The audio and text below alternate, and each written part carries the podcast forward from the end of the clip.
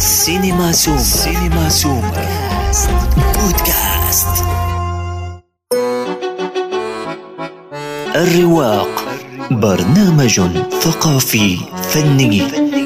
نستضيف في كل حلقة نجم من نجوم الثقافة والفن. الرواق. الرواق. ما لما طيارة.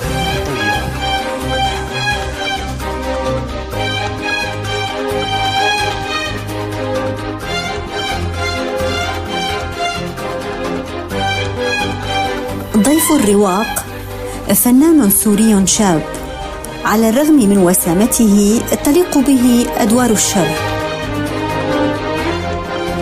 مؤيد الخراط خريج المعهد العالي للفنون المسرحية. ضيفنا للحديث عن مشاركته في المسلسل الخليجي الميراث وغيره من الأعمال. وين صرفتي بنت أختك ورفيقتها؟ طلعوا يتعشوا برا آها. معناها هالمرة عزيمة العشاء على حسابي. بما إنه أنت اللي طلبتي منه يقولوا لك المكان. فيك تسمعني منيح وبلا قرقرة؟ لحظة لحظة. قبل ما تبلشي موالك الهجوم المعتاد علي وتسأليني ليش رحت لعند ماجد أنا رحت لعنده مشان خلصك من هاي الورطة اللي اتهمتني إني أنا وقعتك فيها. مرحبا مؤيد وأهلا وسهلا فيك ضيف عزيز ببودكاست الرواق. مرحبا يا لما وأهلا وسهلا فيكي وأنا مبسوط كثير إني أكون معكم بهالحلقة. اليوم أنت موجود بدولة الإمارات وخضت أكثر من تجربة درامية آه، سواء في مسلسل الميراث أو آه، مسلسل المنصة. ممكن تحكي لنا عن هالتجربة أكثر وخاصة آه، مسلسل الميراث اللي كان فيه آه، تعاون مع أكثر من مخرج. أول شيء أنا متواجد بالإمارات نعم من سنة تقريبا. موضوع ال- ال- التعاون اللي صار بمسلسل الميراث طبعا هو كان عن طريق الكاستينج وهي الطريقة المحترفة جدا كانت. وأنا بتشرف إني كنت جزء من هذا العمل الضخم بكل تفاصيله والاحترافي بكل تفاصيله آه، فهذا الموضوع بتعرفي أنت الكاستنج مراحل حتى توصلي ل... لأنه الاوكي وهذا اللي صار يعني أنا مشيت بمراحل لوصلت لمكان إنه أنا. مقبول بهذا العمل وأكيد بتشرف فيهم. هلأ العمل مع أكثر من مخرج بعمل عدد حلقاته كبيرة وكثيرة هو عمل ممتع جدا للغاية وطرق تفكير واليه تفكير مع كل حدا بالتعامل وكل أسلوبية مخرج عن الآخر. طبعا هي في وحدة أسلوب أكيد بعمل متكامل ولكن بالأخير في في في طريقة أسلوب بال- بالتعاطي مع الممثل والمخرج وكل عناصر العمل تختلف من مدرسة لمدرسة بس بالأخير أكيد في وحدة أسلوب لأنه بالأخير نحن عم نشتغل بعمل واحد إن كان مخرجين ولا فنيين ولا ممثلين وكل التفاصيل. آه، يلي أنا دخلت عليها طبعا بعدين يعني أنا كان ماشي المسلسل آه، تقريبا أنا دخولي ببلش من الحلقة 187 لل 250 آه، فهاي التفاصيل اللي اشتغلنا عليها طبعا آه، في في فريق كامل متكامل مخرجين كتاب آه، المنتج آه، المحطة إدارة المشروع مديرة المشروع وكل كل فريق العمل مشكورين على كل التعامل الاحترافي والرقي بالتعامل أكيد أنا كتير كنت مبسوط بهي التجربة وبتمنى أني أعيدها دائما والله يوفقهم جميعا. طبعا بدي أضيف لك شغلة كان نحن عم نتعامل هيك في شيء بالشغل هون. آه، شبيه المسرح بصراحة من خلال آه، تعدد الكاميرات وطريقة العمل يعني هو في شيء شبيه المسرح. وبالنسبة لاختلاف بين الدراما السورية والدراما الخليجية أكيد في اختلاف هذا يتطرق له آه، مطولا على كل على كل الأصعدة. بس أكيد آه، أنا بتشرف بالتعامل معهم الدراما لي الشرف اني أنا ممثل سوري واساسا أنا من من الدراما السورية. آه، مؤيد تطرقت لموضوع المسرح آه، وهذا بالحقيقة بيوديني لسؤال مهم. إنه الملاحظ إنه معظم الممثلين السوريين العاملين في الدراما العربية والسورية هم من خريجين المعهد آه، سواء قسم التمثيل وحتى النقد. هل فعلا وجودكم بالمعهد وهذا التأسيس من قبل الممثلين وأساتذة محترفين؟ محترفين. هو سبب نجاحكم وتمكنكم من أداء أي دور في أي بيئة آه، سواء عربية أو خليجية؟ لا شك يا صديقتي وأنت بتعرفي المعهد العالي للفنون المسرحية هو ورشة عمل كبيرة ولمدة أربع سنوات ويوميا من العمل العمل والبروفات والمواد إن كانت على مستوى العملي أو المستوى النظري والأساتذة وورشات العمل اللي كانت تأتينا من الخارج. يعني لا شك أنه هي ورشة عمل كبيرة تضعك على على سكة صحيحة.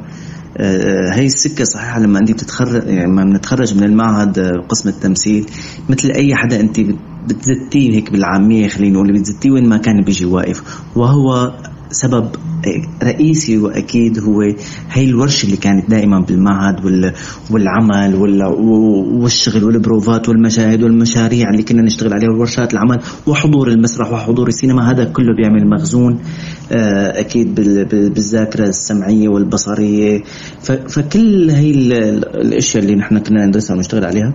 آه، بتخولنا إنه نحن نتخرج ونقدر نعمل أي شيء يطلب منا لأنه نحن دربنا كثير اشتغلنا كثير تعبنا وتعلمنا كثير طبعا بتشكر كل الأساتذة اللي اللي درسوني واللي آه عملوا معنا كثير شغل آه، كبير وضخم وهذا وإن شاء الله تكون النتائج على قد الطموح المطلوب. آه، اليوم بحسب الإعلام وسائل الإعلام عندك مشاركة بمسلسل المنصة الجزء الثاني وربما هناك فيلم سينمائي. يعني سؤال هل يا ترى الشكل شكل الممثل يلعب دور هام في إنه يكون مقبول وجهه للكاميرا. ما بعرف أنت يمكن بتعرفيني منيح إني أنا ما كتير بفكر بموضوع الشكل هلأ أكيد الكاميرا بتحب القبول يعني اللي له علاقة بنسميه القبول يعني. هو القبول على الكاميرا هو له علاقة طبعا بالوجه بتعابير الوجه. بالأخير أنا برأيي رح أحكي وجهة نظري. الجمال الوجه خلينا نقول إن كان للشاب ولا للصبية على الكاميرا هو مدته لا يتعدى دقيقة دقيقتين يعني بعدها العالم بدها تشوف شيء تاني. العالم بدها تشوف الأداء بدها تشوف الشخصية كيف عم تلعب تشوف آلية التفكير من خلال الأداء. أما الشكل نحن بنعرف بالحياة يعني okay مدته أحلى أحلى حدا يعني خمس دقائق okay جميل لطيف راقي أو راقية جميلة كله وشها حلو وشه حلو على الكاميرا كذا okay هذا حكي بينحكى وهذا ضروري يمكن.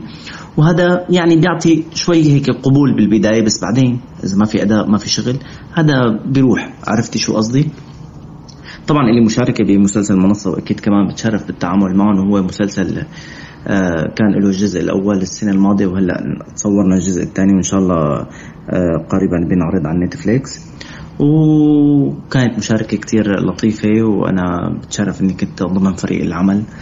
آه، يعني هي هي بالعموم يعني هلأ فيلم السينما والله كان في هيك مشروع بس مؤجل لسه ما ما صار يعني. ابقى على تواصل مستمر. وبودكاست الرواق. لا تنسى تفعيل زر الاشتراك الموجود في تطبيقك لتصلك الحلقات في حينها آه، اليوم معظم الأدوار اللي عم بتخوضها هي أدوار شر آه، ما بتخاف من هاي الأدوار أنه تأثر على شعبيتك وعلى قبولك آه، من قبل الجمهور مستقبلا؟ لا يا صديقتي.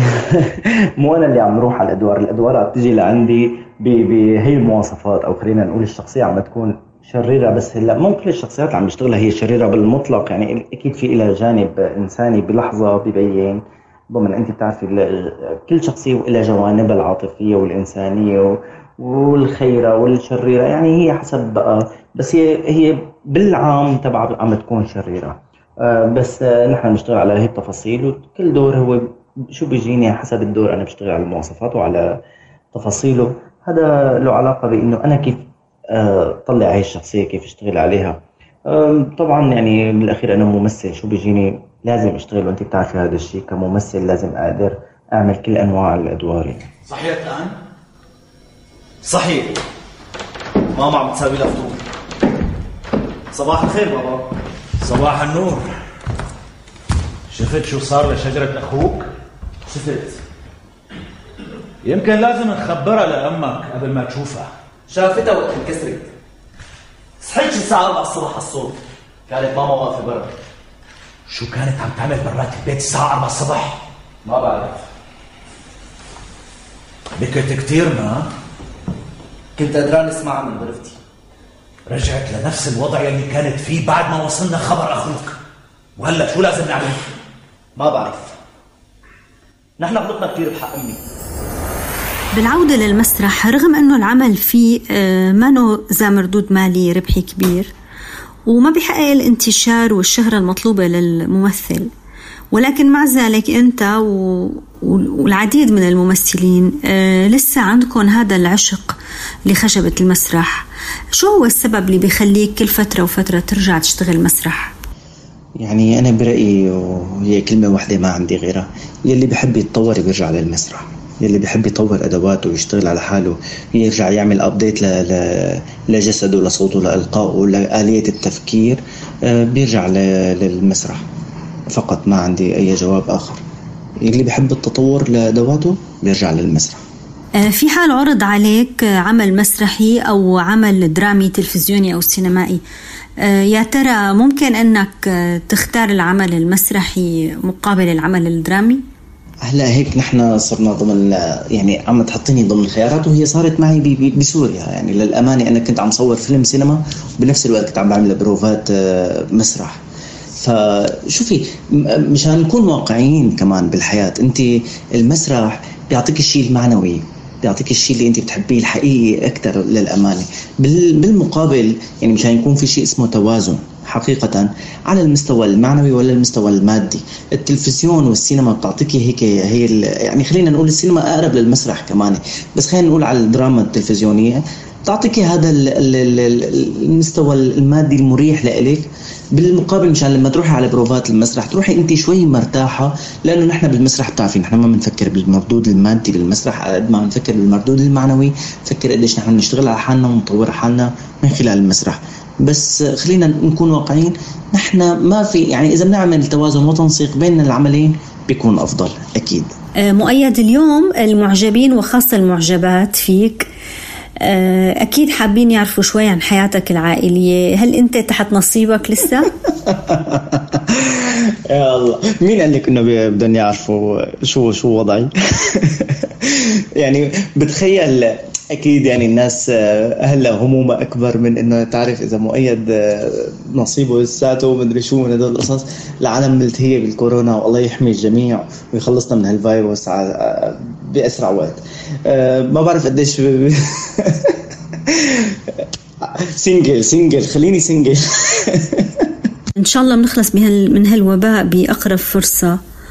وبتضل منور الشاشة فينا نعرف شو هو جديدك آه، على صعيد الدراما؟ أكيد لي مشاركة بمسلسل آه، عربي اسمه 350 جرام إخراج الأستاذ محمد لطفي وكتابة آه، نادية الأحمر وإنتاج IC Media وال Golden Line تشرفت كثير بالعمل معهم والعمل إن شاء الله رح يعرض برمضان. وهو من بطولة الأستاذ سلوم حداد والأستاذ عابد فهد. مؤيد الخراط سعيدة جدا أنك كنت ضيفنا في بودكاست الرواق وبتمنى لك كل التوفيق والنجاح. صديقتي لما قبل ما نقفل الحلقة تعطيني ثواني بس بدي أقول ألف مبروك لأسرة وفريق عمل الميراث من كتاب ومخرجين وفنانين وفنيين وإدارة مشروع وشركة إنتاج محترمة جدا. وكل من عمل بهذا العمل بدي لهم ألف مبروك. جائزة أفضل إنتاج على مستوى الشرق الأوسط لعام 2020 وهلأ بقول لك شكرا كثير يا لما وأنا كنت كثير مبسوط بهاللقاء معكم. وبتشرف فيكم يعطيكم العافية أنت وفريق العمل. في الحلقة القادمة من الرواق سنقابل أحد أروقة الفن ممن لمعت مسيرته بأعماله. فلا تفوتوا الحلقة القادمة من بودكاست الرواق.